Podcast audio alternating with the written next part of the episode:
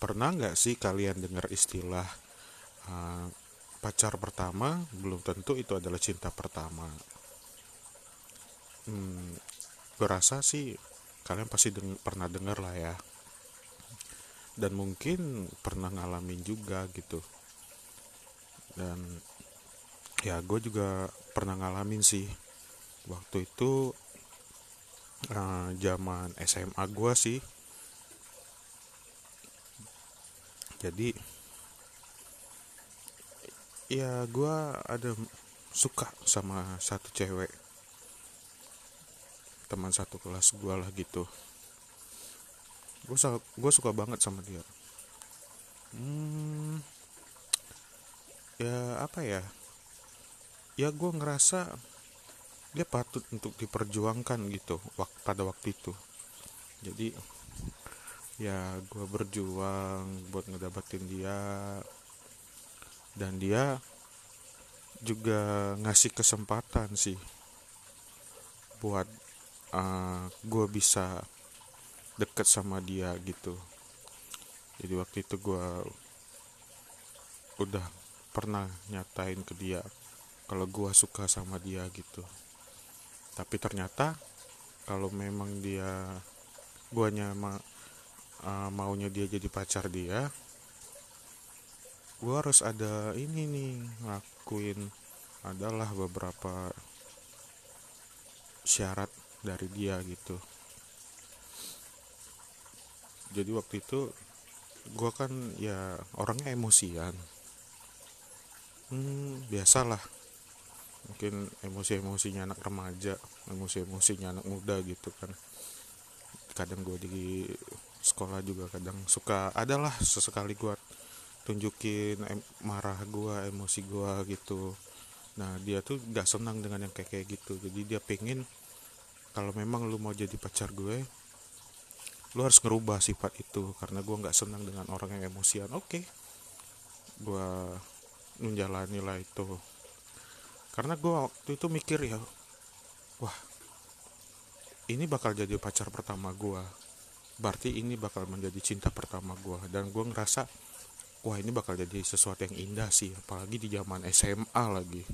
Ya kalian tau lah pacaran di zaman SMA itu sesuatu yang ya kalau kata uh, istilahnya masa-masa yang paling indah itu masa-masa SMA berarti kalau kalian pernah menjalani pacaran di masa SMA berarti bakal menjalani sesuatu salah satu pacaran yang indah lah gitu di masa muda ya udah oke gue jalanin lah. Gue berjuang. Gue ngerubah hidup gue eh uh, apa? Gue ngerubah uh, emosi gue gue redam supaya supaya gue bisa dapetin uh, cewek yang gue incer gitu deh supaya dia bisa jadi pacar gue gitu. Karena dia udah ngasih lampu hijau ke gue kan. Ya udah setelah berjalan dua minggu sesuai apa yang dia minta ya mungkin waktu dua minggu gue jalan itu adalah sesekali. Tapi ya oke okay lah dia dia memaafkan gitu. Oke. Okay? gue menjalani setelah dua minggu akhirnya gue nyatain lagi lah perasaan gue waktu itu di bulan Desember. Gue nyatain waktu itu kita mau uh, apa namanya Natal sekolah gitu. Ya gue kan non muslim ya. Jadi kita di dalam sekolah itu kan pasti ada uh, yang non muslim ada pelajarannya juga gitu. Jadi uh, siswa yang non muslim mengadakan Natal lah Natal SMA gitu. Jadi setelah selesai Natal SMA itu kebetulan gue panitia ya di Natal itu. Otomatis kan gue sebelum sebelum sebelum menjalani sebelum kita mengadakan Natal itu kan gue pasti sibuk juga ya. Jadi cuma kita tetap komunikasi sih.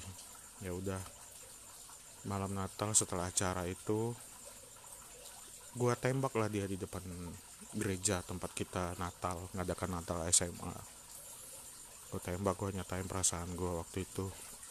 Nah jadi setelah itu oh ya udah dia dia nerima gitu dia nerima. Dia juga bilang ya terima kasih juga karena selama dua minggu ini kamu udah ngejalanin apa yang syarat dari aku kamu udah merubah uh, diri kamu kamu udah mengurangi emosi-emosi kamu segala macamnya. Intinya sesuai dengan yang dia minta lah. Oke. Okay. awalnya sih waktu awal-awal kita pacaran ya berjalannya biasa aja gitu. Cuman setelah uh, dua minggu gue ngerasa kayaknya apa ya uh, apa yang gue rasain di awal sebelum gue pacaran gak sama dengan apa yang gue rasain setelah gue pacaran sama dia gitu gue malah kesannya kita malah jadi kayak orang apa nggak kenal gitu kayak kayak nggak kenal satu sama lain. Ya karena memang waktu itu dia minta tapi kita di sekolah nggak tahu nggak usah terlalu nunjukin ya kita udah pacaran. Tapi orang-orang udah tahu gitu loh. Tapi malah di luarnya pun kebawa gitu. Dan setelah sebulan juga gue kok semakin aneh gitu loh semakin semakin apa yang gue ekspektasikan waktu gue mau ngedeketin dia proses gue ngedeketin dia proses gue mau jadi pacar dia setelah gue ngejalanin apa yang gua, yang dia pengen malah setelah pacarannya kok gue ngerasa gak sesuai dengan apa yang gue harapkan gitu. Ya kalian sesuai seperti yang gue bilang di awal wah ini bakal menjadi sesuatu yang bagus gitu sesuatu yang terbaik dalam hidup salah satu yang terbaik dalam hidup gue gitu. Pacar pertama dan menjadi cinta pertama gue ternyata enggak. Jadi gue pacaran sama dia itu kurang lebih satu setengah bulan jadi gue ngejalani satu setengah bulan itu dengan hambar lah. Apa yang gue harapkan cinta pertama itu nggak ada. Nggak ada sama sekali. Dan pelan-pelan terungkap. Ternyata dia nerima gue cuma karena kasihan. Tolol ya. Maksudnya setelah apa yang gue jalanin apa yang dia minta gue jalanin setelah apa yang gue korbankan ternyata dia nerima gue cuma karena kasihan gitu loh. Terus ngapain lu nyuruh repot-repot nyuruh gue berjuang? Terus ngapain gue mesti ngejalani apa yang lo pengen gitu loh? Ya mungkin karena waktu itu gue merasa ya itu tadi ekspektasi gue ini pacar pertama gue ini cinta pertama gue gitu. Ya ya elah gue bilang dan dia juga bilang ke temennya uh, dia dia takut nolak gue dia takut kalau gue bakal marah gitu. Lah kan bego ya. Maksudnya gini loh. Gue akan menghargai sebuah kejujuran gitu. Kalau lo bak nolak dengan alasan yang logis gue bakal terima. Dan gue gak bakal marah. Tapi dengan cara dia seperti itu berarti kan wah ya itu bakal buat gue jadi emosi dong gue jadi marah. Orang siapa sih yang nggak marah dengan hal yang kayak gitu gitu loh? Ya ya kalian tau lah pastinya juga gue marah gitu. Gue jadi marah. Akhirnya gue marah gue kata-katain lah dia. Ternyata dia juga udah punya pacar di belakang gue makanya akhir-akhir menjelang kita putus itu kita udah nggak ada komunikasi lagi. Bahkan di sekolah pun kita nggak teguran gitu loh. Padahal kita masih pacaran. Ya ternyata apa yang gue harapkan ah, pacar pertama ternyata memang bukan cinta pertama gue dan setelah itu ya kita putus gitu. Kita putus dan waktu itu kita kelas 2 SMA kita pacaran setelah kita putus gua gak ada lagi namanya waktu itu mengenal mau mengenal cewek lah. Gue malas mau deket sama cewek. Gue takut hal itu bakal terjadi lagi sama gue bahkan kelas 3 itu gue nggak ada pacaran sama sekali. Paling gue deket sama cewek ya cuma sebagai teman gitu loh nggak lebih dari itu. Dan gue nggak ada rasa karena gue ras males aja gitu kalau gitu bakal kejadian lagi sama gue kan. Sedikit trauma sih. Sampai gue kuliah pun gue masih uh, menjalani nggak ada pacaran lah gitu. Tapi nah mungkin di waktu gue awal-awal kuliah inilah gue baru merasakan apa itu namanya cinta pertama. Jadi waktu itu mungkin ya teman-teman dekat gua ngelihatnya ya ada sedikit prihatin sih sama gua waktu itu kenapa sih lo lo nggak mau buka hati lagi buat cewek? Kenapa sih lo nggak mau pacaran lagi? Kenapa sih? Ya emang gua nggak mau lagi waktu itu gitu. Tapi waktu itu dia coba gitu. Gini deh. Gue punya sepupu. Mau nggak gue kenalin ke lu? Cuman waktu itu posisinya teman gue tuh setelah lulus sekolah kita sempat bisa nih teman gue tuh ke Jakarta. Tujuannya sih waktu itu kerja karena ditawarin sama keluarganya lah kerja di Jakarta. Kita kan di Jambi ya di Sumatera. Jadi oke okay lah dia di Jakarta. Jadi ya dia ngenalin sepupunya itu di Depok gitu kan. Nah, gue kenalin deh sama sepupu gue dia orangnya gini baik uh, ceria lah orangnya gitu. Pokoknya beda lah dengan mantan lu waktu SMA gue sebenarnya waktu itu awalnya sempat nggak mau sih tapi dia maksain juga kan ayolah ayolah ya oke okay lah gue coba gue coba ngejalani gue coba deh komunikasi sama dia gue coba deh kenalan sama sepupunya. Jadi waktu itu uh, posisinya gue itu waktu itu sudah awal-awal semester 2 deh awal-awal semester 2 kuliah.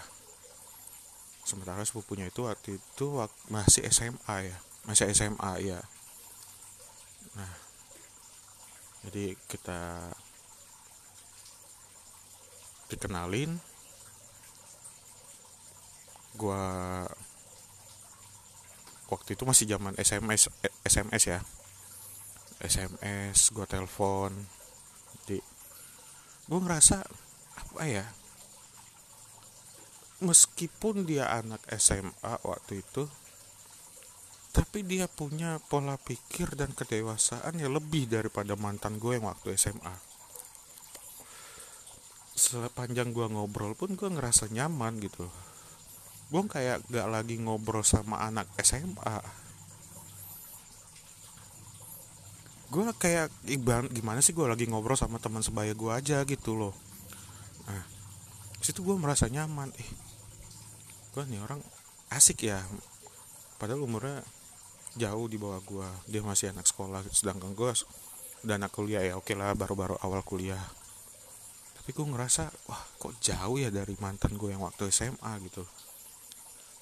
Mungkin gue waktu itu gak pernah gak ketemu sama dia. Ya karena kita jauh gue di Jambi jadi Depok gitu kan. Tapi gue ngerasa kayak gue berada di satu wilayah di satu kota yang sama dengan dia dan seperti merasa gue sering bertemu sama dia asik banget ngobrol sama dia. Sampai akhirnya gue merasa gue cinta sama nih orang. Gue pengen kenal jauh lebih dalam sama dia. Gue pengen suatu saat pengen ketemu sama dia. Tapi gue pengen nyatain cinta gue meskipun gue belum ketemu sama dia tapi gue tahu dia orangnya pasti sesuai dengan yang gue harapin. Akhirnya gue waktu itu nyatain perasaan gue gue tembak dan ternyata dia nerima dengan tanpa perlu proses goblok kayak mantan gue waktu SMA dia langsung nerima gue karena dia gua karena dia juga ngerasa uh, apa yang gue rasa ke dia gitu loh. Jadi kita jadian. Nah kita jadian komunikasi kita lancar sering ber, uh, bertukar kabar sering nanyain gimana dia, dia di aktivitas dia sehari-hari meskipun kita jauh dan kita belum kenal tapi gue selalu berusaha untuk kasih perhatian kepada dia. Dia pun juga begitu kepada gue ya teman gue juga senang waktu itu kita bisa jadian.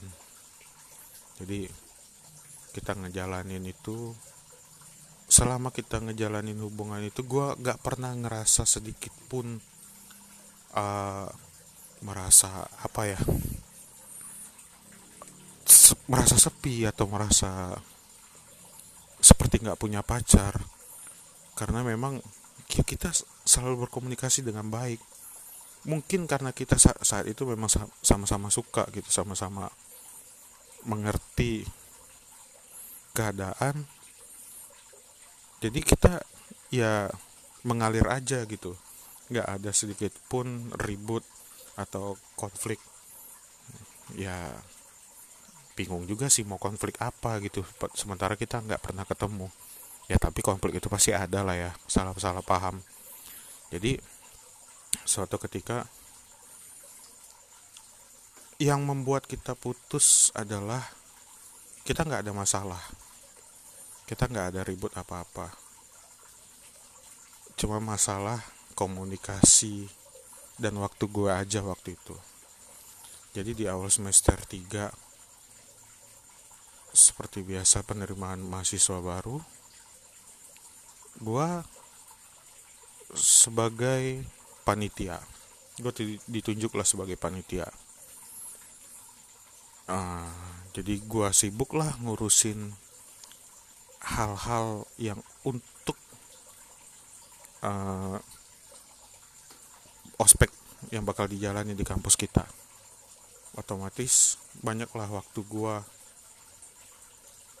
uh, lebih tertuju kepada tugas gue sebagai panitia. Sehingga gue pun jarang ngasih kabar juga ke dia. Ya tapi kalau dia nanya kabar gue pasti berusaha untuk ngejawab. Ya mungkin pasti telat gitu. Tapi gue selalu berusaha untuk ngasih kabar. Bahkan gue waktu itu pun saking sibuknya juga di kepanitiaan gue juga sampai nginap di kampus ya bahkan orang tua gue aja juga khawatir sama gue kan. Nah, tapi ya udahlah gue tetap jalanin aja gitu kan.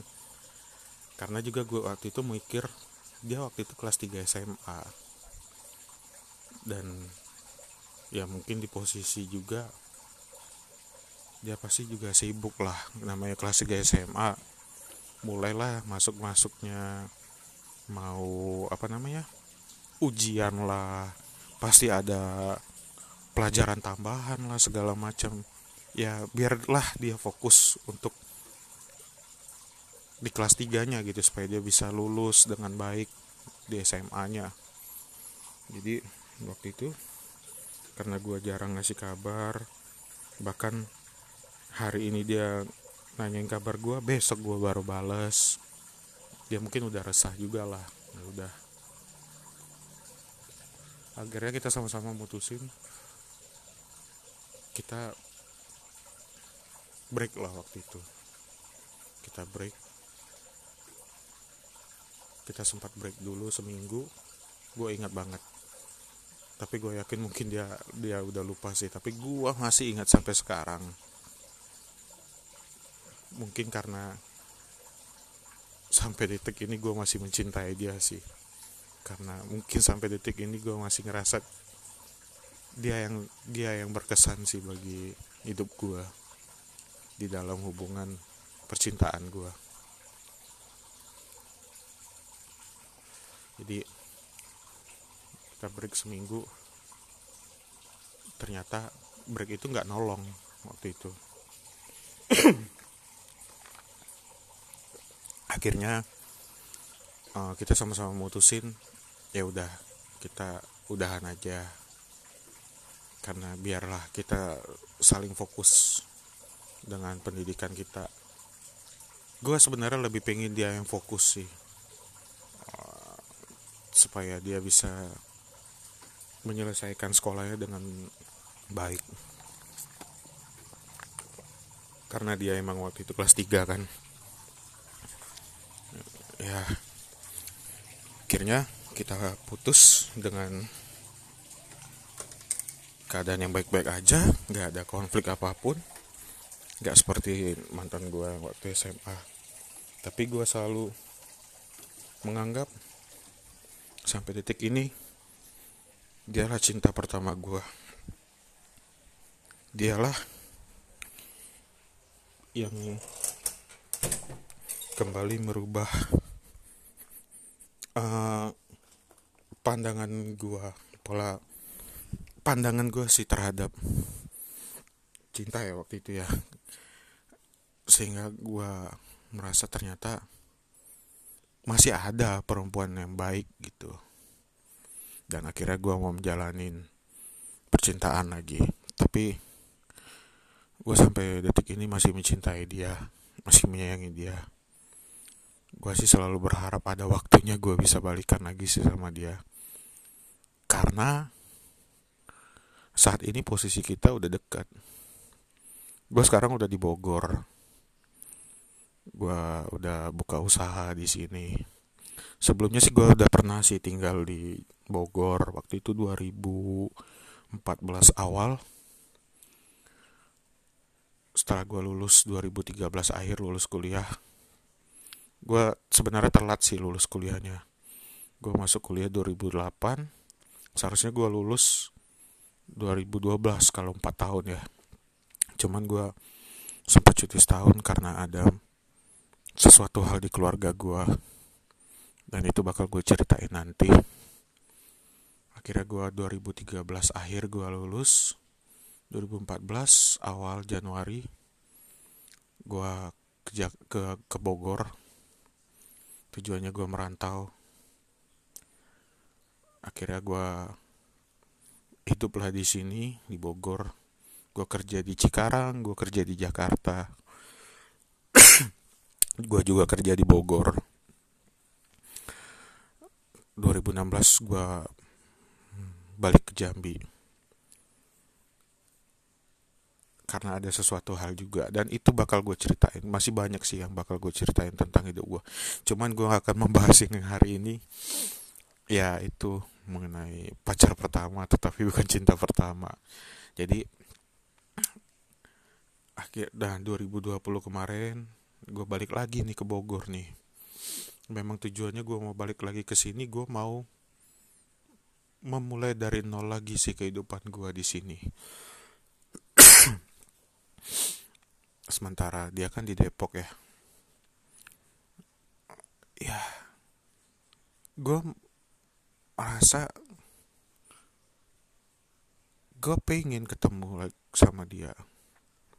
Gue pengen ngobrol banyak lagi sama dia. Gue pengen uh, ngobrolin tentang kita berdua. Karena waktu di 2017 finally kita ketemu di rumah teman gue sepupunya dia teman gue yang waktu itu pertama kali.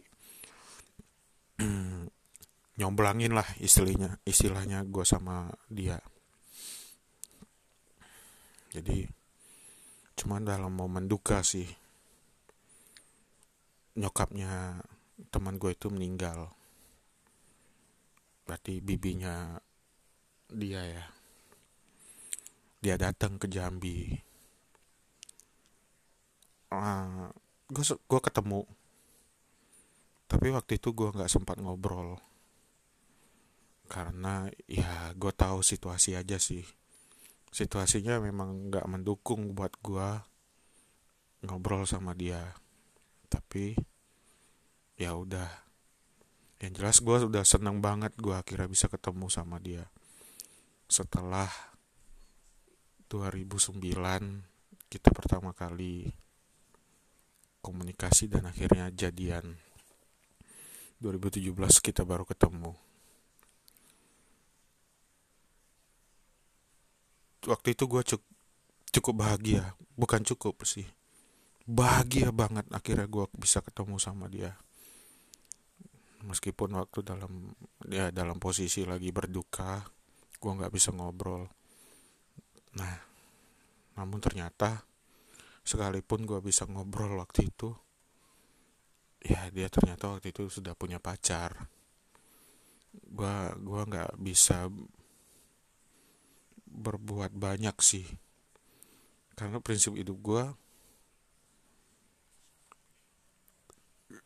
uh, seseorang yang udah punya pacar namun sebenarnya gue suka sama dia tapi dia udah punya pacar gue lebih baik mundur gitu. Gue nggak mau ngeganggu. Jadi makanya waktu itu kalaupun ada waktunya kita bisa ngobrol mungkin gue tetap cuman bisa ketemu doang sih. Cuman bisa ngelihat dia doang. Gue gua nggak bakalan bisa ngobrol karena udah prinsip gue kayak gitu gue nggak bakalan ngobrol dengan orang yang udah punya pacar. Sementara gue eh, sebenarnya suka sama dia gitu kan tapi ya udahlah. Ya cuman ya eh, waktu itu ya kita udah saling follow Instagram sih setelah dia dari Jambi itu dia pulang ke Depok ya adalah ngobrol-ngobrol via DM cuman ya ngobrol as a friend gitu. Cuman nanya kabar ya udah gitu gitu doang sih. Nggak nggak ya nggak ngobrol lebih lah. Mungkin ada ngobrol lebih waktu itu memang sempat gue gua melanggar prinsip gue sih. Mungkin karena waktu itu yang waktu itu gak gak bisa ngobrol sama dia jadi gue ngobrolnya via DM gitu. Tapi ternyata mungkin gue salah sih waktu itu. Nah 2017 kita ngobrol ya via DM sama kayak zaman dulu ngobrolnya selalu cuma lewat komunikasi doang. Tapi gue cukup bahagia lah. Nah sampai akhirnya ada salah paham lah di tahun 2018 gue sama dia kita sempat ribut. Mungkin niat dia baik ke gue cuman gue salah tangkap aja. Gue nganggap salah sih waktu itu. Dan gue akui gue salah. Karena tanggapan gue yang berlebihan. Dengan niat dan maksud dia yang baik mungkin ya. Akhirnya berantem gue di blok Instagram gue kita nggak bisa komunikasi lagi oke. Gue terima sih itu. Tapi setelah itu gue gue banyak kangen sama dia. Sesekali gue cari nama dia di Instagram. Gue cuma bisa ngelihat nama sama foto profil dia doang kan sama followers dia berapa postnya cuma gue nggak bisa lihat postnya gitu karena karena gue di blog gitu kan. Jadi ya udah. Gitu aja terus uh,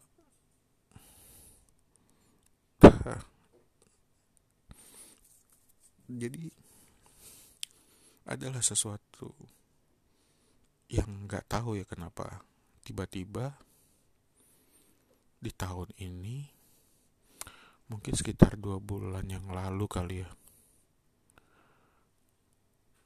waktu itu malam jam setengah sebelas ya biasalah gue sebelum tidur gue pasti selalu ngecek ngecek HP ya. Uh, tiba-tiba ada notifikasi. Biasa kan di atas HP kita tuh suka ada di atas bar yang di atas ya ada suka notifikasi. Gue lihat wah gambar Instagram apa ya notifikasi apa? Sekali gue lihat dia nggak follow gue gitu gue kaget. Maksudnya gini loh. Gue saat ini jujur lagi dalam posisi komunikasi sedang sedang komunikasi dengan perempuan yang dikenalin sama temennya nyokap. Jadi beberapa bulan terakhir nih dari tahun kemarin sih dari akhir-akhir tahun kemarin kita udah komunikasi tapi belum ada waktu aja mau ketemu. Yang dikenalin nyok, temannya nyokap ini dia di Jakarta. Cuma kita belum ada waktu aja mau bisa ketemu gitu. Nah di saat gue lagi kayak gini tiba-tiba dia muncul si mantan gua yang si cinta pertama gua ini. Tiba-tiba muncul. 2018 dia ngeblok gue. Dan kita nggak ada komunikasi. Setelah tiga tahun ada angin apa tiba-tiba kembali memfollow gue. Oke lah gue terima gue fallback. Dan gue dilihat lihat di postingan. Mungkin wah kayaknya udah nggak ada pacarnya lagi. Tapi gue senang gue senang sih dia follow gue gue dia follow gue lagi. Berarti gue amarah gue dulu udah dimaafin dia mau mau uh, berkomunikasi lagi dengan gue ya cuman gue apa ya kenapa di saat gue sedang mau bertemu berkenalan dengan uh, perempuan yang dikenalin oleh temannya nyokap ini di saat gue sedang lancar uh, baik-baiknya komunikasi tiba-tiba dia muncul gitu kan. Si cinta pertama gue ini. Nah. Ya laki-laki mana sih yang nggak seneng gitu kan? Jujur ya gue senang senang banget. Akhirnya dia follow gue lagi. Dan dan gue ngerasa ini kesempatan gue gitu loh. Maksudnya di saat sekarang gue sudah netap nih di Bogor. Dan kita udah dekat. Gue di Bogor jadi Depok. Tapi apa mungkin dia mau gitu loh? Karena memang dari dulu gue ah pengen banget ngobrol lebih deket sama dia ketemu sama dia. Karena emang dia yang ya seperti gue bilang dia cinta pertama gue gitu loh. Meskipun dulu kita belum pernah ketemu dulu pertama kali belum pernah ketemu. Tapi gue gue merasakan uh, sesuatu yang merubah hidup gue lagi gitu loh waktu itu. Bahkan waktu di 2017 yang kita ketemu di rumah teman gue itu dan kita komunikasi sempat ya adalah beberapa hal yang, mem, yang dia uh, membantu gue untuk gue berubah gitu loh memang cuman waktu itu memang keras kepalanya gue waktu itu yang uh, membuat semuanya jadi salah paham. Jujur, kalau gue dikasih kesempatan lagi untuk bisa bertemu sama dia, ngobrol sama dia, gue akan ambil kesempatan itu. Dan sekali lagi gue bakal bilang sama dia kalau gue sampai detik ini masih mencintai dia.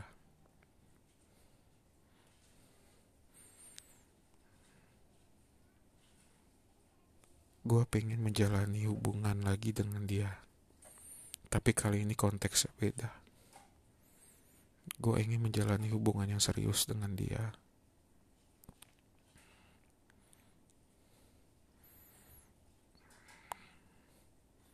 gue ingin menjalani hubungan dengan dia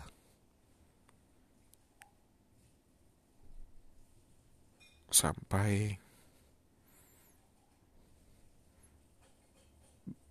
Tuhan manggil gue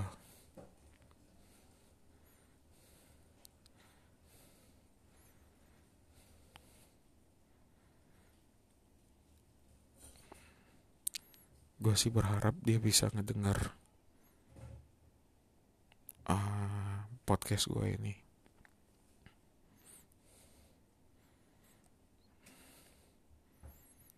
gue sebut aja namanya Novita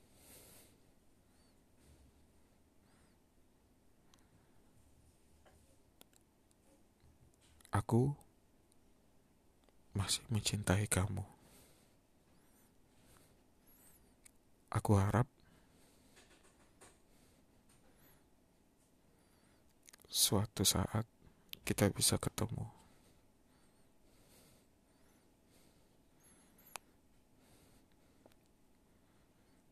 Aku ingin ngobrol banyak sama kamu.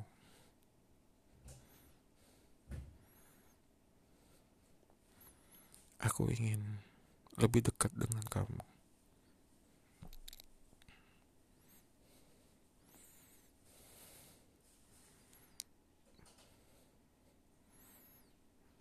Semoga kamu dengar podcast ini.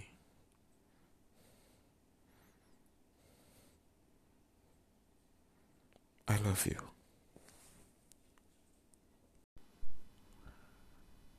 Jadi gini, uh, mengenai cinta ya, adalah gue pernah beberapa gue jalanin hubungan dengan beberapa cewek. Ya kebanyakan sih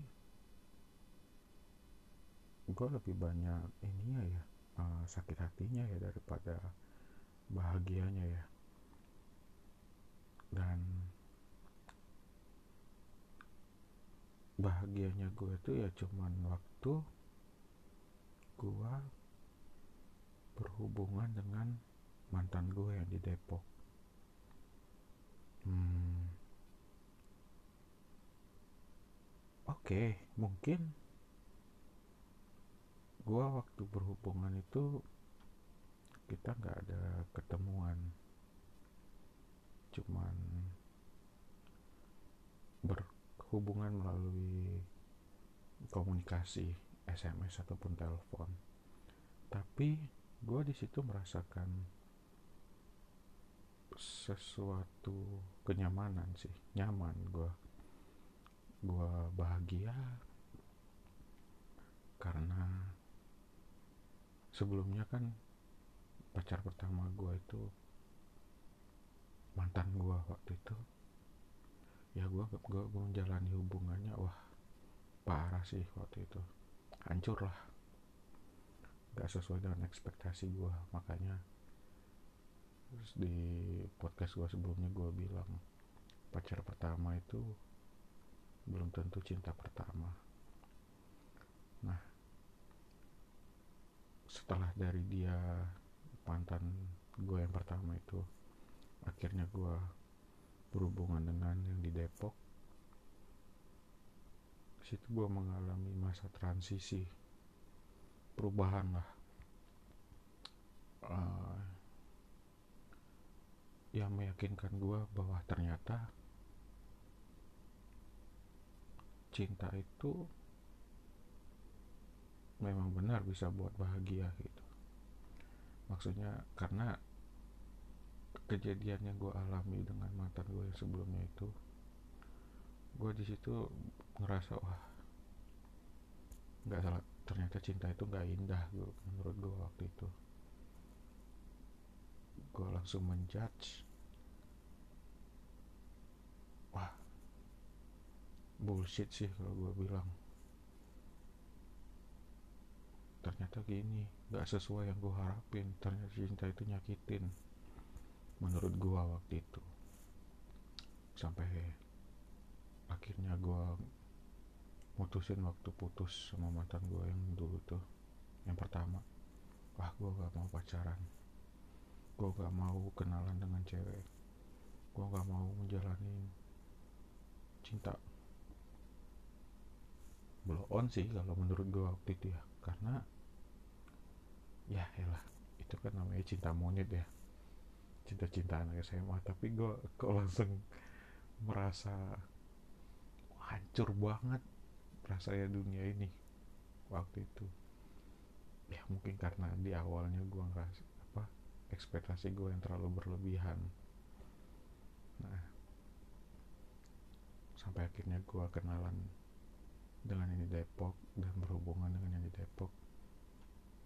Wah di situ gue belajar lah. Wah ternyata cinta itu nggak melulu soal sakit menyakiti.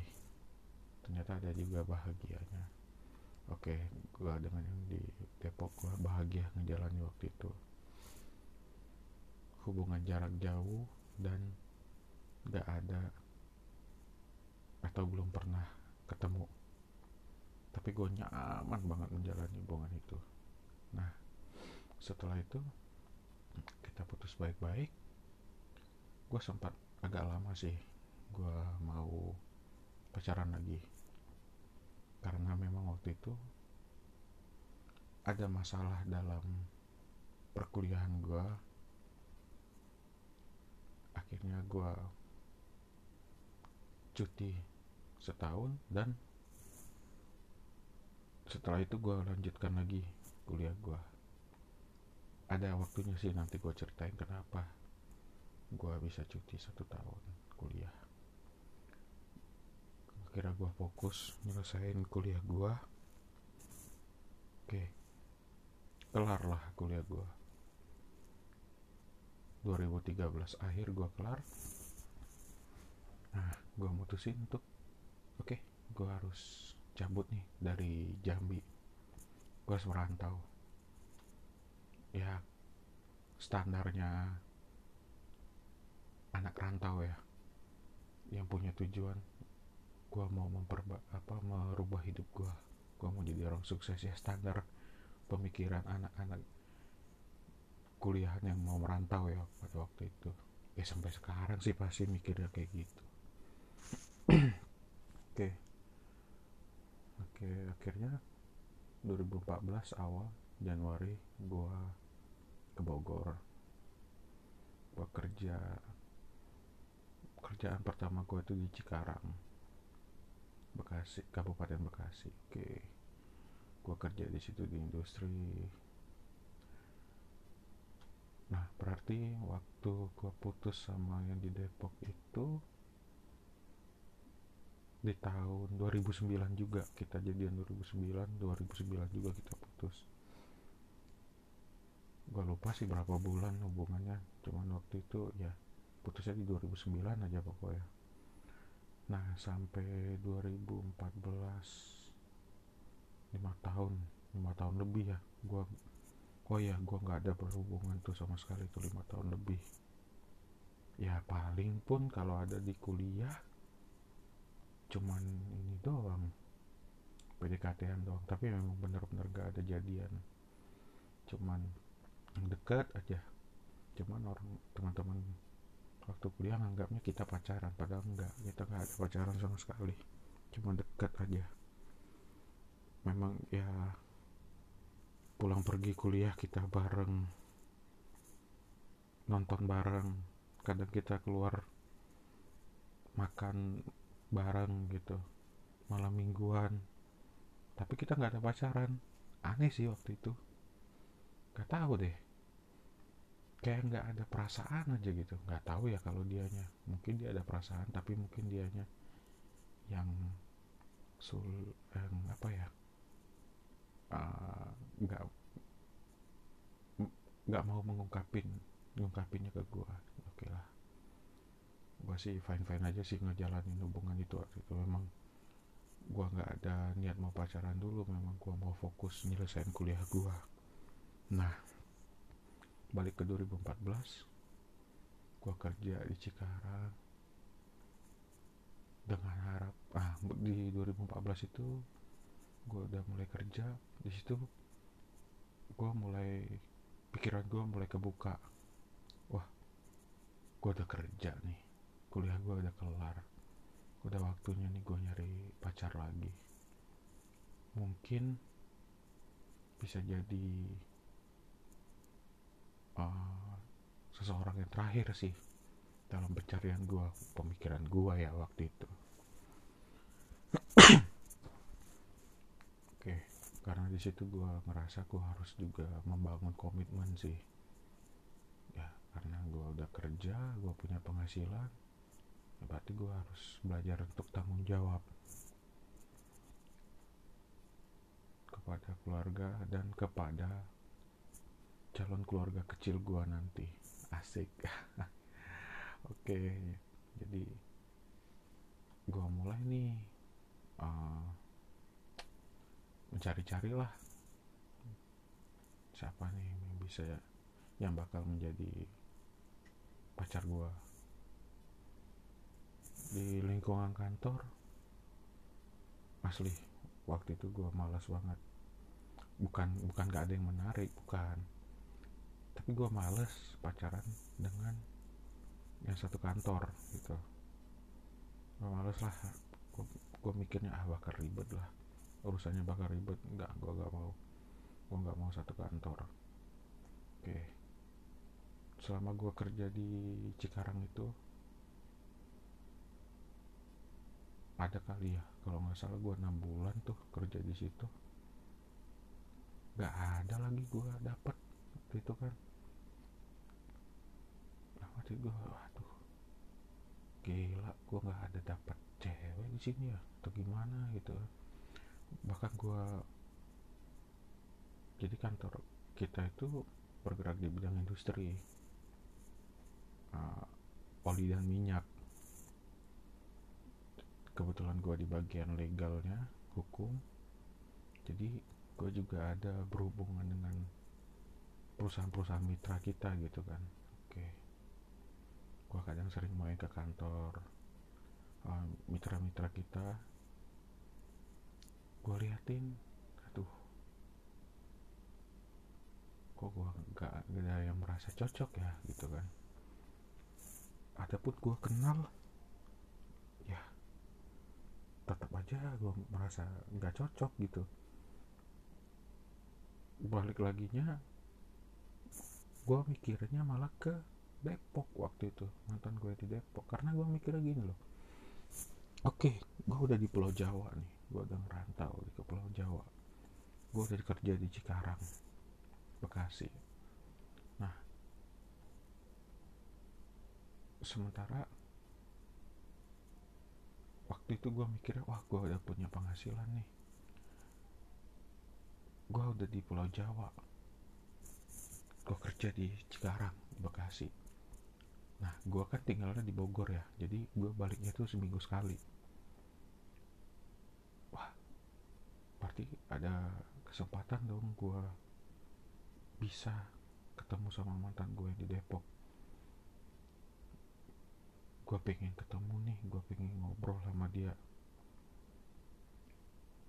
Jadi makanya gue nyari-nyari cewek pacar nggak ada yang seret gitu. Karena gue pikirnya ke situ. Ini peluang ini kesempatan gue sih supaya gue bisa ketemu sama mantan gue di Depok. Karena waktu dulu kita jalanin hubungan kita nggak ada kita nggak pernah ketemu nah ini kesempatan gue nih. Tapi ya pada waktu itu gue nggak tahu gimana gue ngubunginnya gitu kan. Oke. Gue ada jalan lain gimana caranya gue bisa ngubungi dia mantan gue yang di Depok. Melalui teman gue teman dekat gue teman SMA sepupunya dia yang gue diceritain di podcast pertama yang nyomblangin gue sama mantan gue yang di Depok. Tapi gue ada rasa gengsi gitu loh. Malu aja maksudnya ah ntar kalau gue minta kontaknya mantan gue yang di Depok ntar gue di apa ya istilahnya apa sih itu? Kalau yang cie-ciein gitu loh. Nah gue malas aja kayak gitu gitu loh maksudnya. Deh mau ih pingin ketemu ya deh mau balikan ya sama Novi gini-gini. Ya gue gue malas kalau gitu gituin gitu loh. Eh udahlah gak usah lah. Gue diemin aja lah.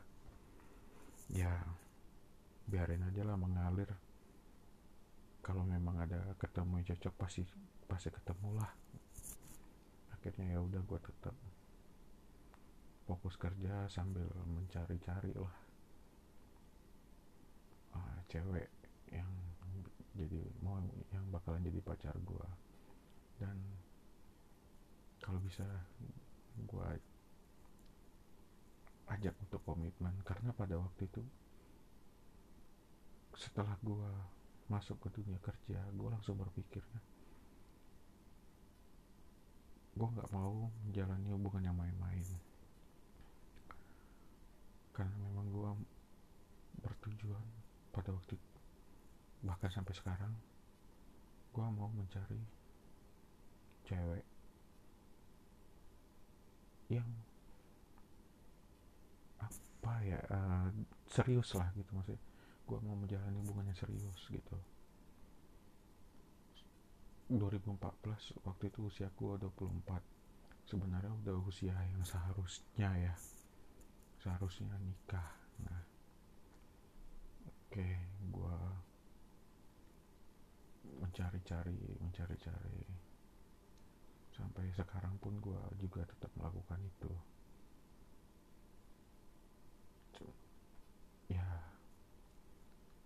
pada saat ini sih gue kepikirannya ke mantan gue yang di Depok.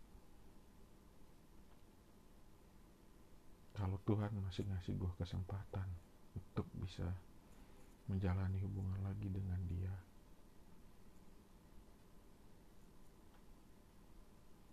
gue mau ngajakin dia serius. Tapi itu semua biar kehendak Tuhan aja lah. Gue hanya bisa berdoa dan berharap sih saat ini ya. Selebihnya biar Tuhan aja lah yang bekerja buat semua rencana hidup gue nah akhirnya gue cabut dari kantor gue yang di Cikarang gue dapat tawaran kerja di Bogor.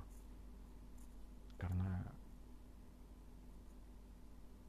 gue waktu itu gue ambil sih kerjanya di Bogor. Karena ya perhitungan gue juga karena gue tinggal di Bogor kan wah otomatis udah dekat nih dengan rumah di wilayah rumah gue lah gitu. Jadi gue nggak perlu capek-capek jauh ke Cikarang sana oke oke akhirnya gue kerja di Bogor. Nah gue tetap melakukan hal yang sama nih. Kerja sambil mencari cewek yang mau jadikan pacar gue yang bisa juga diajak serius. Karena memang tujuan gue mau sambil mencari istri gitu kan. Oke nah. Akhirnya setelah gue menjalani menjalani akhirnya gue dapat apa yang gue pengen. Gue ketemu lah dengan satu cewek. Di dan bukan satu kantor tapi dia di kantor yang lain. Di apa namanya? Yang kebetulan waktu itu gua kunjungin kantornya. Gua mau ketemu sama klien gua di kantor dia yang merupakan bosnya dia. Jadi dia adalah sekretaris di kantor tersebut. Oke. Waktu itu gue datang uh, salahnya gue sih gue gak gak buat janji waktu itu. Gue salah banget sih waktu itu. Gue datang ke kantornya. Kantornya di Bekasi. Di kota di kota Bekasi kantornya. Oke gue datang. Pas gue datang kebetulan sekretarisnya itu di lobi kantor nah di lobi kantor gue lihat dia. Oh ya gue lupa ngasih tahu. Gue awal 2014 gue ke Bogor. Kan gue kerja di Cikarang itu 6 bulan ya. Cuman gue baru keterima di Cikarang itu di pertengahan tahun jadi di awal tahun sampai bulan bulan bulan 5 kalau asal bulan 5 itu gue belum belum belum kerja tuh. Gue belum kerja. Masih nganggur lah. Masih mencari-cari kerjaan. Tapi ya untuk survive nya gue ini sih apa yang bisa gue kerjain gue kerjain waktu itu. Karena mau ngelatih mental gue juga gitu kan. Di tanah rantau oke akhirnya gue keterima kerja di Cikarang itu di bulan Juni bulan Juni. 6 bulan gue kerja di sana berarti sekitar uh, inilah. Sampai inilah uh, awal Januari 2015 ya. 6 bulan lebih sampai Januari 2015 gue dapat tawaran di Bogor oke gue ambil kerjaan di Bogor. Gue resign dari Cikarang. Nah oke balik lagi ke yang tadi. Kantor yang gue kunjungin ini. Jadi gue gue ngeliat dia wah ini cewek cakep nih. Ada sesuatu yang membuat gue naksir sama dia. Gue gue nggak bisa mendeskripsikan apa itu tapi seperti dia punya aur ses apa ya kalau gue bilang aura ya aura aura-aura cinta asik. Nggak nggak jadi pas gue masuk ke lobi kantornya gue lihat dia gue langsung ini sih gue langsung wah amazed ngeliat dia waktu itu waktu ini cewek cakep banget ya. Dan apalagi dia pakai baju kerjanya aduh makin cakep nih cewek. Dalam hati gue ya waktu itu ya. Cuman gue tetap berusaha fokus aja dulu oke. Gue fokus dengan tujuan gue ke sini dulu. Jadi gue masuk ke lobby itu gue tanya saya mau ketemu dengan bapak. Ini gini gini gini gue ngobrol.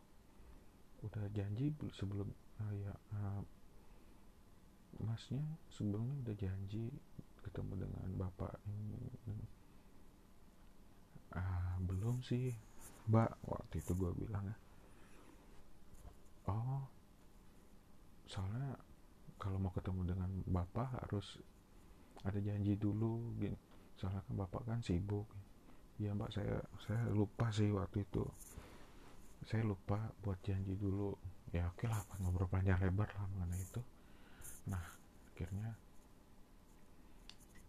ya udahlah gue putusin untuk cabut dari kantor dia. Cuman gue ini nih nyamperin security. Securitynya udah tua ya nggak tua tua banget tapi dia ini oh kalau menurut pengakuan dia sih dia pensiunan TNI ya kata dia sih gitu. Tapi kelihatan sih dari gayanya kayak gue ngomong.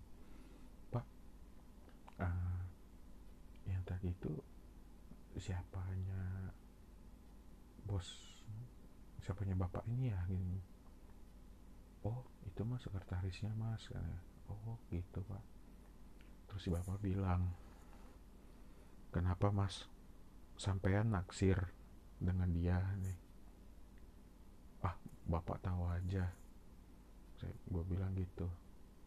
Ya kalau sampai naksir mah ya deketin atuh kata si bapak. Ya pengen ya memang sih saya naksir pak. Begitu pertama lihat saya naksir sama dia pak. Cuman saya mau tanya nih pak. Dia bapak tahu gak uh, status dia gimana pak? Apakah dia udah punya pacar? Apakah dia udah punya suami atau gimana pak? Wah setahu saya sih dia belum punya pacar. Kalau nikah mah belum mas katanya. Ya, tapi setahu saya dia belum punya pacar. Masih jomblo kata si bapak kan si bapak security. Oh gitu ya pak? Oh berarti saya punya peluang dong pak untuk bisa deket sama dia. Lah. Jangan peluang mas. Mas mas jadian juga bisa kali sama dia. Wah si bapak ada ada aja gue bilang gitu. Ya udah deh pak. Kalau gitu saya pamit dulu pak gue bilang kan. Tapi kalau memang mas pengen deketin dia ntar saya bantuin kata si bapak security kalau saya lihat sampean ini orangnya baik. Wah bapak bisa aja gue bilang lah gitu. Ya udah ntar saya omongin deh sama dia.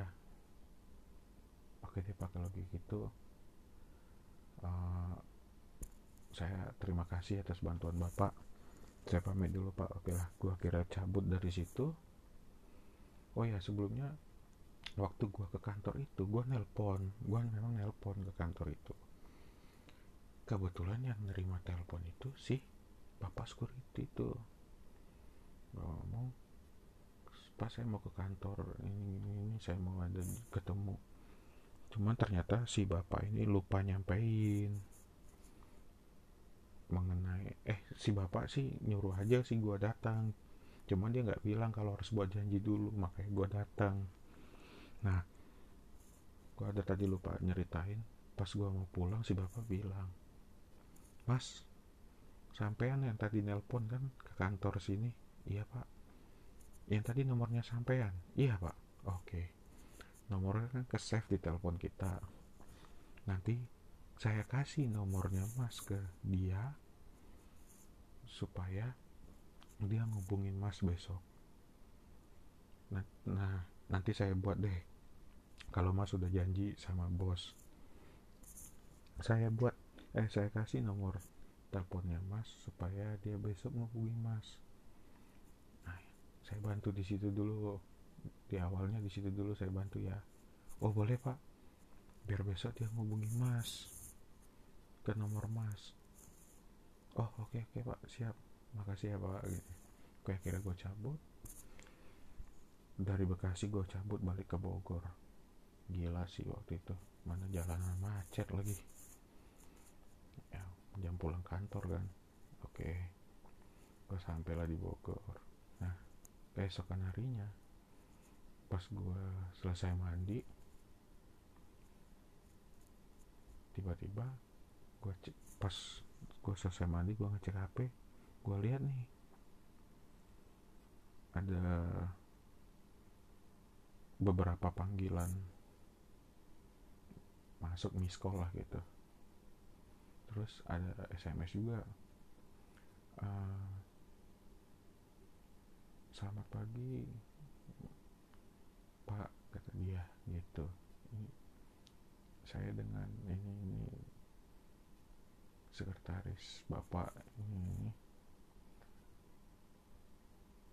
ah, saya disuruh untuk menghubungi bapak. Kira-kiranya apa? Ah, kalau boleh saya tahu ada yang bisa saya bantu gitulah pokoknya intinya gitu gue kaget kan ini siapa ya? Gue ya udah kira gue telepon. Ya pagi mbak. Ini siapa ya? Tadi mbak nelpon. Terus ada sms saya juga. Oh iya. Pak ini saya dari kantor ini ini. Wah gue kaget kan. Wah gila beneran gue dihubungin dong. Nah by the way kenapa dia bisa ngubungin gue pagi-pagi karena memang waktu itu dia ngubungin gue di jam 9an nah kantor gue waktu itu eh sorry gue waktu itu lagi ini. Gue ngambil jatah off ya gue ngambil jatah off kerjaan gue gue ngambil libur deh waktu hari itu kebetulan. Emang gue pengen istirahat sih karena gue capek banget karena dari Bekasi. Mau ke kantornya dia itu oke kita ngobrol-ngobrol-ngobrol-ngobrol kira gue bilang akhirnya gue ngaku oh iya uh, sebenarnya sih ini kerjaan Pak Selamat ya. Nih gue sebut aja nama security Pak Selamat. Ya Pak Selamat yang ngasih nomor katanya. Karena saya kemarin ngobrol sama Pak Selamat saya suka sama kamu gini gini. Gue langsung langsung to the point aja sih ngomong gitu kan. Saya suka sama kamu. Nah ini adalah bantuan kecil dari Pak Selamat sih gue bilang gitu. Ya udah. Akhirnya dari situ ber, uh, mulai ada komunikasi kita.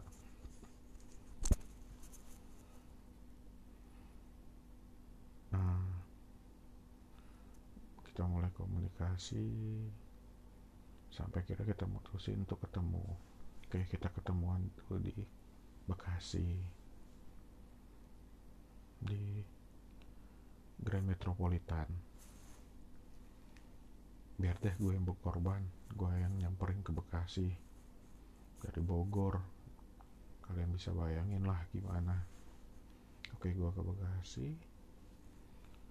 Situ gua ketemuan oke kita ngobrol panjang lebar. Sampai malam pulang.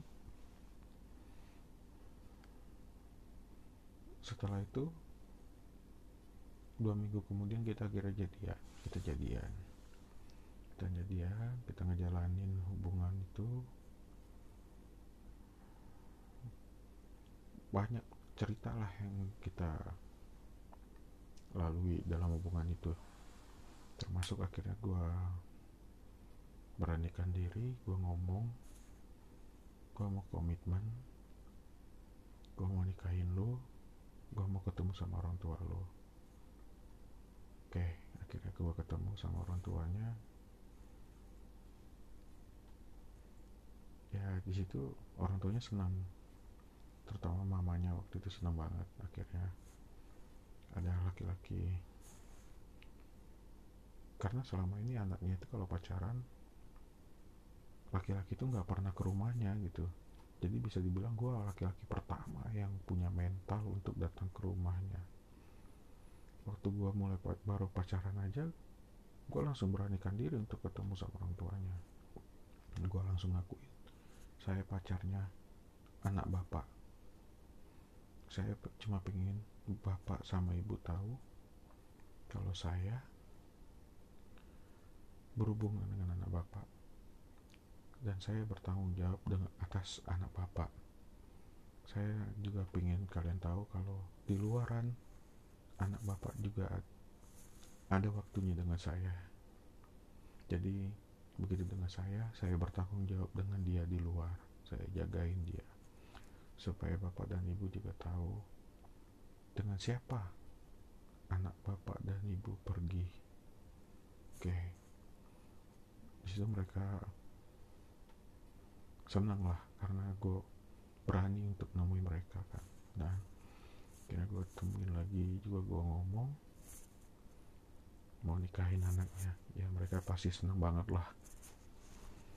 Oke.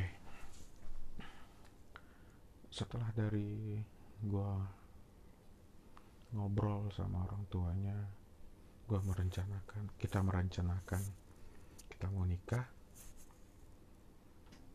gue dapat tawaran kerja lah di Jakarta. Gue pindah ke Jakarta. Tapi gue tetap waktu itu masih tinggal di Bogor jadi gue bolak balik Bogor Jakarta. Oke lah masih masih masih kejangkau lah masih dekat ketimbang gue ke Bekasi jauh banget. Cikarang lagi mereknya nah jadi di kerjaan gue di Jakarta ini gue ada menjalani beberapa proyek nih. Kita ada proyek kita di daerah puncak nih di Bogor. Kita ada juga proyek kita di Bo di Bandung. Nah kebetulan gue sering bolak-balik lah ke proyek itu. Ke puncak sama ke Bandung. Jadi setelah gue kerja tiga bulan di Jakarta gue di kantor baru di Jakarta gue kerja di situ. Gue uh, sibuk dengan proyek yang di Bandung. Jadi otomatis kadang gue uh, kalau udah ke Bandung gue udah pasti nginep lah. Gue udah pasti nginep gak mungkin gue bolak bolak balik gitu kan. Waduh capek dong. Nah jadi gue nginep. Kadang seminggu gue nginep di Bandung pernah ada waktunya gue nginep tuh. Gue gue gue stay di Bandung sebulan di proyek. Nah waktu gue stay di Bandung selama sebulan itu gue di situ udah mulai ngerasa ada sesuatu yang aneh sih dengan uh, waktu itu masih pacar gue ya dengan cewek gue itu mantan gue itu. Ada sesuatu yang aneh gue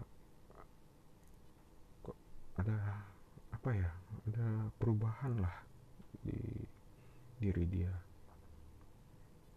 Cuman ya udahlah gue anggap oh mungkin ya lagi lagi uh,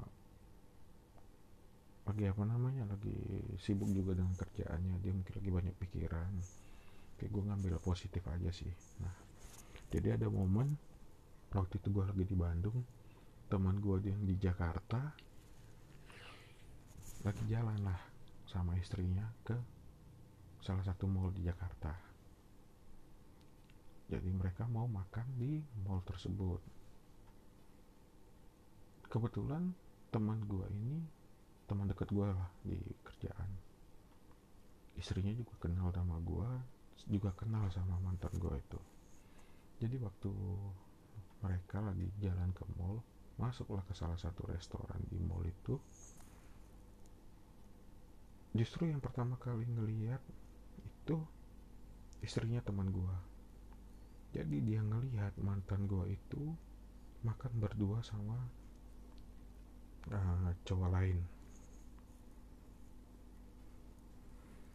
Jadi istrinya teman gue bilang sama teman gue eh, lihat deh itu bukannya pacarnya Rido ya? Mana? Itu yang di sana. Oh iya.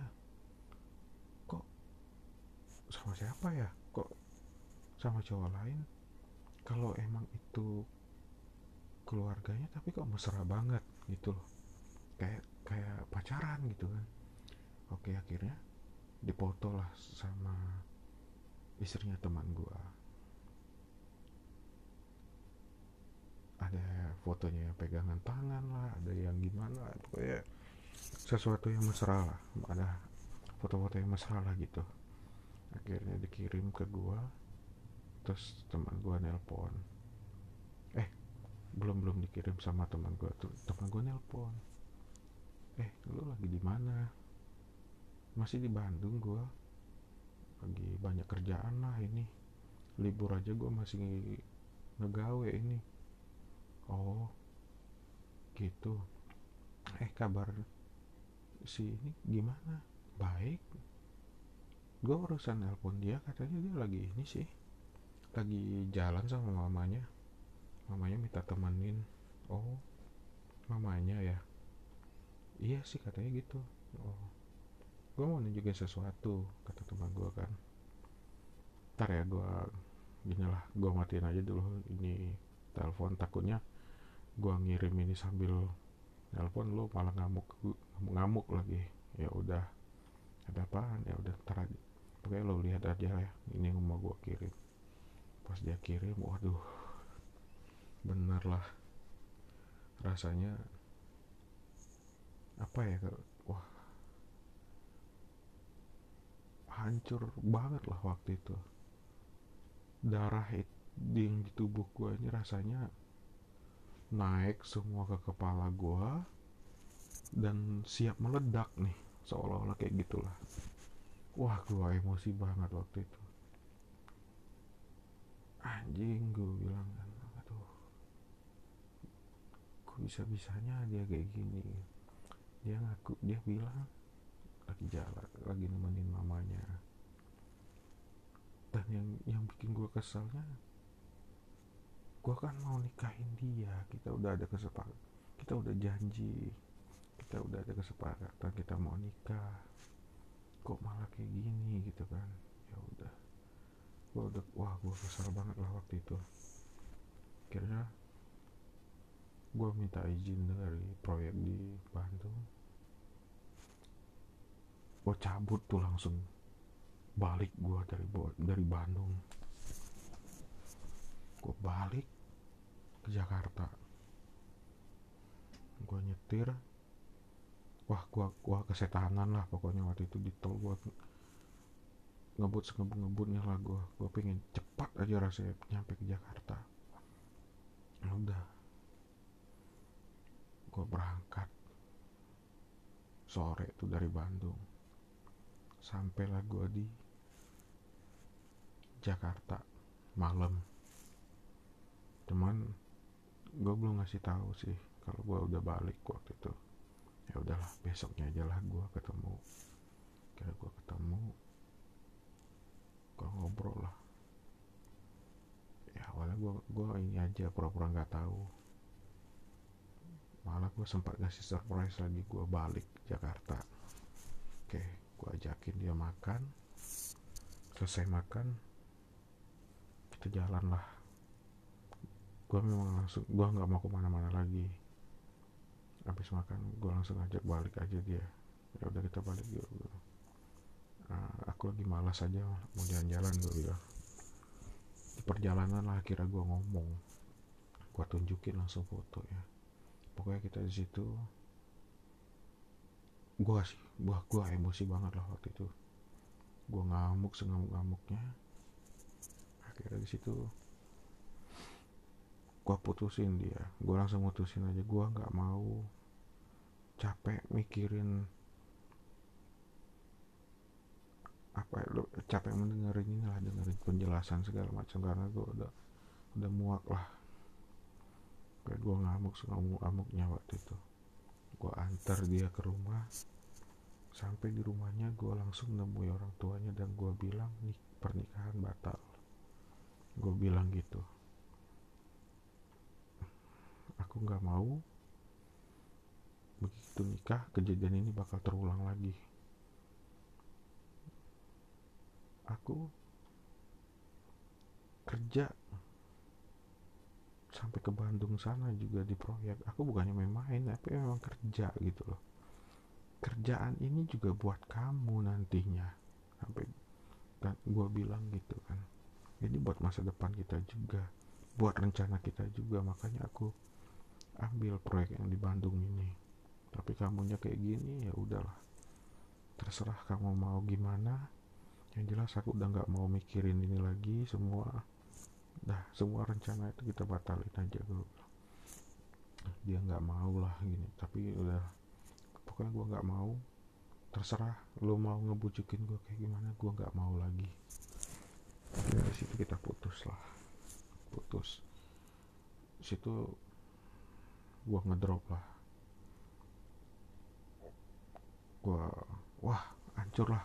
Pikiran gue nggak fokus. Di kerjaan pun gue nggak fokus.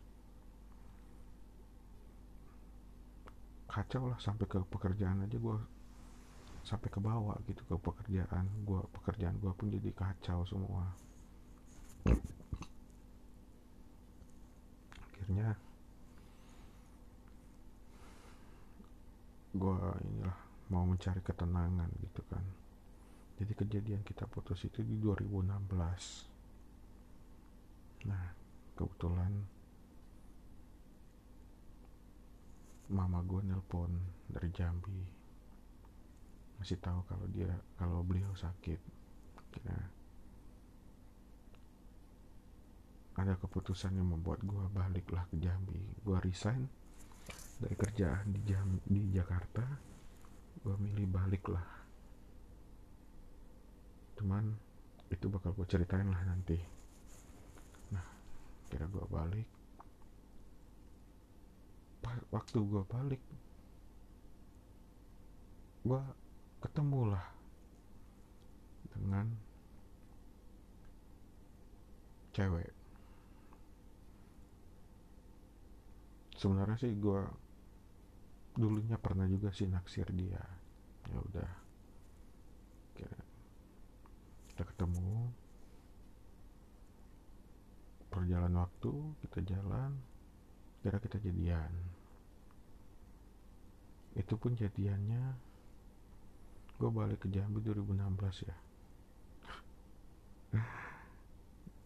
Gue jadiannya itu sama dia di 2017 ya 2017 lah gue jadian 2017 gue jadian sama dia. Ya mungkin kembali lagi dia bukan jodoh gue ya. Uh, gak ber gak gak lama lah hubungan kita. Cuman ini lebih tragis sih daripada mantan gue yang kita gagal nikah. Mantan gue yang sebelumnya. Gue sampai sekarang merasa nggak diputusin sama mantan gue ini. Jadi tiba-tiba itu di 2019 ada perubahan juga sih dalam di, di apa di di di di dianya ya bahkan keluarganya pun berubah nih ke gua. Tadi keluarganya baik sama gue kok tiba-tiba berubah ya? Gue tuh kayak apa ya? Kayak kayak kayak sebelumnya nggak kenal gitu loh ya. Nah jadi 2019 itu tiba-tiba wah ini anjing banget sih kalau gue bilang. Tiba-tiba gue dapat kabar kalau dia dilamar sama laki-laki lain. Oh anjing sih emang kalau kalau gue bilang waktu itu. Tapi gue nggak ada nggak ada dikasih keput nggak ada apa ya namanya dikasih jawaban. Gue diputusin atau gimana tuh gue gue nggak tahu gitu loh. Dan gue ngerasa kayaknya nggak ada masalah apa apa gue dengan dia. Kok tiba-tiba nih, cewek apa mantan gue itu dia di, apa dilamar nerima lagi lamaran tuh cowok. Gue bingung wah anjing apa salah gue ya? Pantasan dia beberapa waktu itu aneh dia kan? Terus dia ngilang aja gitu. Istilah zaman sekarang ghosting ya tai lah. Nah terus waduh ya udahlah. Gue mah pasrah aja lah. Wah hancur sih gue waktu itu. Sedih lah gue gue mana gue waktu itu bisa jadian sama dia lama lagi. Bayangin dari 2016 2017 gue baru jadian. Setahun loh perjuangan gue buat bisa ngedapetin dia waktu itu. Oke. Okay. nah. Wah. Ternyata gue dapat kabar lagi. Tuh cowok tajir. Oke okay. oke lah. Gue sih uh, cuma bisa menerima aja lah.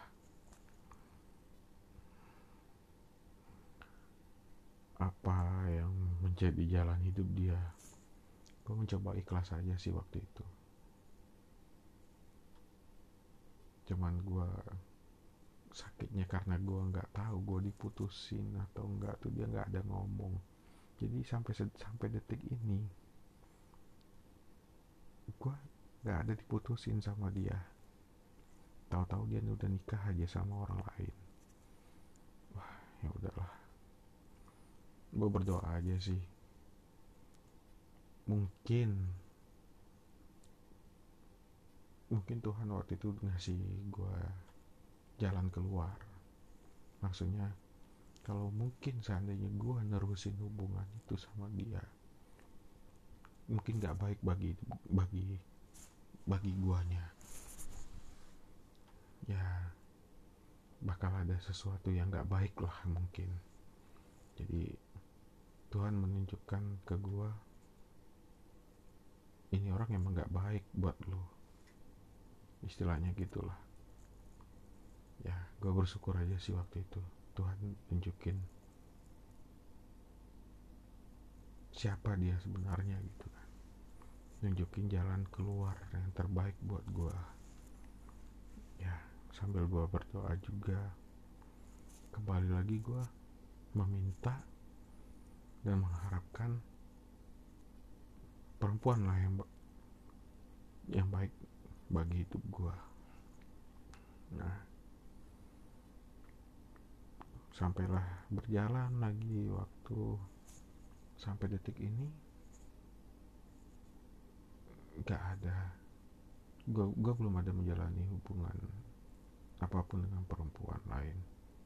Setelah kejadiannya 2019 sampai detik ini. Nah. Makanya mama gue khawatir juga sih sama gue gitu loh. Apalagi dia kan udah semakin tua juga dia ngerasa anak gue kapan sih mau nikah? gitu loh. Anak gue kapan sih? Dia mau nyari niat gak sih? Dia mau nyari pasangan hidup gitu loh. Sampai dia ngenalin beberapa perempuan juga gue gue nggak mau gitu loh. Waktu itu gue nggak mau banget. Apalagi setelah yang kejadian 2019 yang gue ditinggal nikah gue nggak mau gitu. Ya. Paling cuma sekedar kenal doang. Ya kenalan udah. Ngobrol sebentar udah. Gue nggak gue nggak ngelanjutin. Dan balik lagi. Gue selalu mikirin yang di Depok. Balik lagi gue pikirannya ke situ kalaupun. Eh bukan. Uh, ya itu.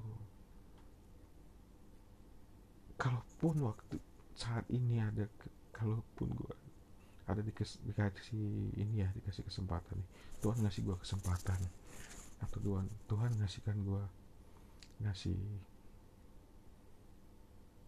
uh, apa, harapan itu gue mengharapkan kalau bisa gue ketemu sama dia. Sama mantan gue yang di Depok. Gue pengen ngobrol sama dia. Gue pengen menceritakan. Ya sharing hal-hal kecil lah sama dia gitu loh. Gue pengen lebih dekat lagi sama dia makanya gue sampai detik ini pun gue masih mikirin dia gitu loh. Sama mantan gue di Depok. Novi. Novita. Cuman ya lo nggak tahu sih kapan kapan waktu itu bakal datang gitu. Kapan waktu itu, itu bakal tiba ke gua. Akhirnya gue ketemu sama dia gue nggak tahu. Itu semua rencana Tuhan sih. Terus itu juga semua rahasia dari Tuhan. Gue cuma bisa berdoa dan mengharapkan itu sih.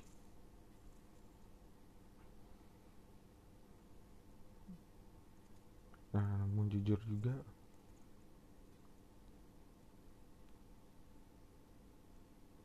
gue rasanya apa ya pengen ketemu sama dia tapi ada rasa ini juga sih dalam diri gue saat ini tuh gue pengen ngubungin gitu loh masih nge-DM ngajakin ketemu cuman gimana ya gue kayak kaku aja masih kayak kayak nggak berdaya gitu mau ngubungin gitu gue lagi mengumpulkan ini sih. Keberanian gue yang dulunya wah menggebu-gebu yang sekarang lagi hilang nih. Gue lagi mengumpulkan itu sih. Untuk bisa gue ngajakin dia ketemu. Atau ya siapa tahu kembali lagi seperti harapan gue juga di pertama apa dia mendengarkan podcast gue ini. Ah gue gak tau lah semuanya biarlah jadi rencana tuh biar jadi uh, rencana Tuhan. Gue selebihnya biar gue serahkan ke Tuhan aja. Biar Tuhan yang mengatur semuanya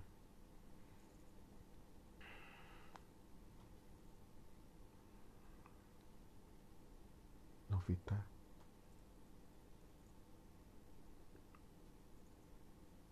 Aku masih mencintai kamu